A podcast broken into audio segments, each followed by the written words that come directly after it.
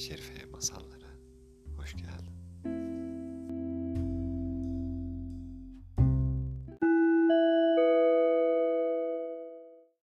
Evet, hikayemize kaldığımız yerden devam ediyoruz.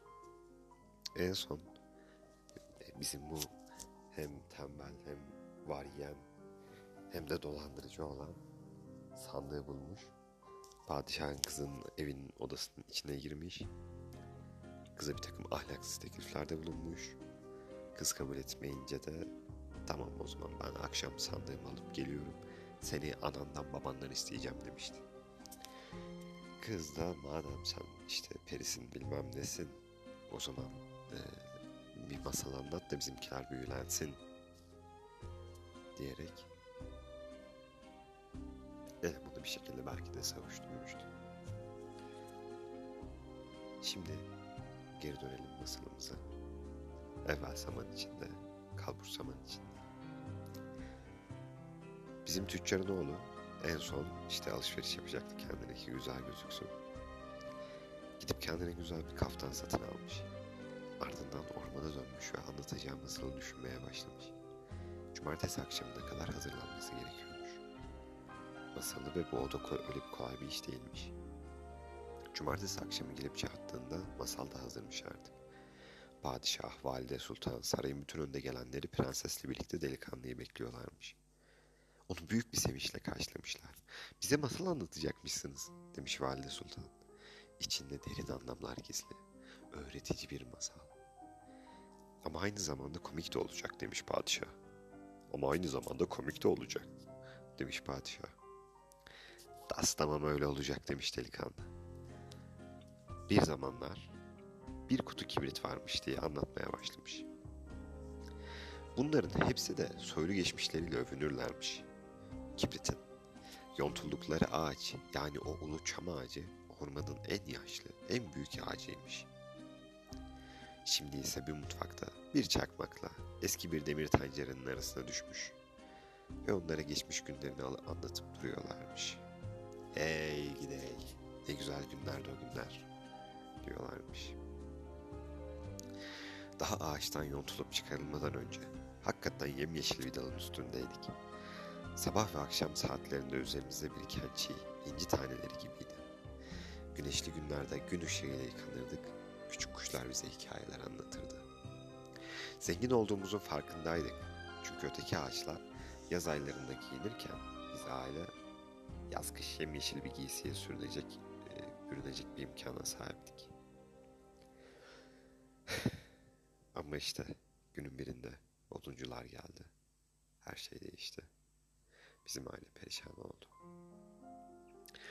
Atamız olan ağaç gövdesi, dünyayı dolaşan muhteşem bir gemiye yelken direği yapıldı da diğer dallar oraya buraya dağıtıldılar.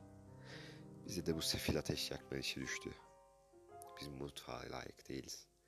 Ama ne yapalım? Benim kaderimse bir başka demiş kibritlerin yanında duran demir tencere. Dünyaya geldiğim günden beri yüzlerce kere parlatıldım ve kaynatıldım. Devamlılığı sağlarım ben ve bu yüzden doğruyu söylemek gerekirse bu evin en önde gelen eşyasıyım. Tek bir mutluluğum var, tertemiz, pırıl pırıl bir halde masaya getirilmek, arkadaşlarımla güzel güzel sohbet etmektir. Ara sıra avluya indirilen su kovasını saymazsak biz hepimiz burada kapıla kapılar ardında yaşarız kardeş. Dünyada olup biteni pazar torbasından öğreniriz. Ama o da hükümetten ve halktan söz ederken fazlasıyla kışkırtıcı konuşuyor ya. Artık anlamadım vatan haini midir nedir? Neyi beğenmiyor? Asgari ücret, asgari tencere ücreti olmuş burada 2300 lira. Bu adamlar beğenmiyor ya. Sonra işsizlik yok işte biz doğada boş elementiz. Olur tabii kardeşim. Sen iş beğenmiyorsun. Önce geleceksin, demir olacaksın, tencere olacaksın, yanacaksın, insanlara aş olacaksın. Daha geçenlerde bu yüzden eski bir çömlek korkudan yere düşüp bin parçaya ayrıldı. Ya ne amma da uzattın ya demiş çakmak. Çakmak işte çarpıp kıvılcımlar saçarak. Neşeli bir akşam geçiremeyecek miyiz biz hiç ya?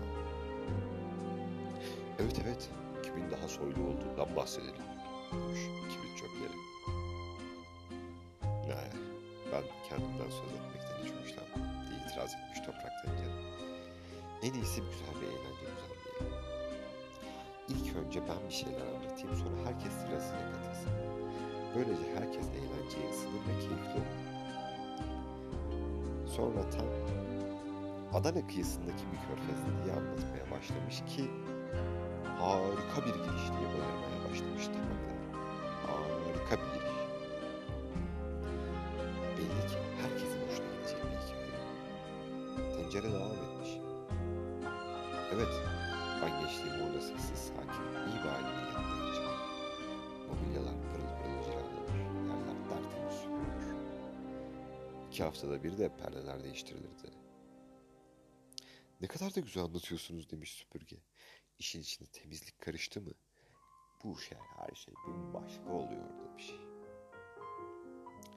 Kesinlikle öyle demiş kova ve keyiften şangur şungur sesler çıkararak zıplamış. Tencere anlatmayı sürdürmüş. Hikayesinin sonu da başı kadar eğlenceliymiş. Tencerenin hikayesi bitince tabaklar keyifli şıngır şıngır şıngırdamışlar. Süpürge ise çöp tenekesinden birkaç yeşil maydanoz dalı çıkarmış. Çelenk yapıp tencerenin başına takmış. Çünkü söylediklerine diğerlerinin kızacağını biliyor. Ben bugün tencereye çelenk takarsam yarın o da bana takar diye düşünüyormuş.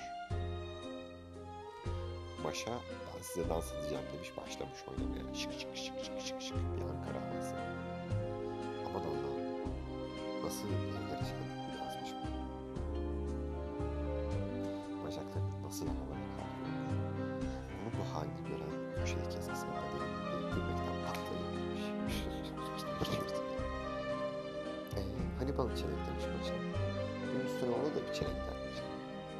Sudaki kızlar da "Üf, aman ne bayağılık diye düşünüyorum. Şimdi çaydan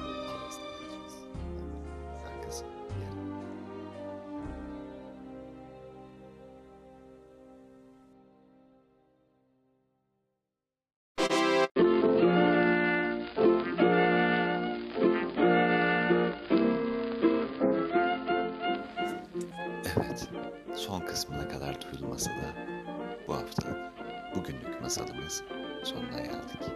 Masalımızın sonuna geldik. Yarın belki daha iyi bir anlatımla, daha iyi bir altyapıyla görüşmek üzere.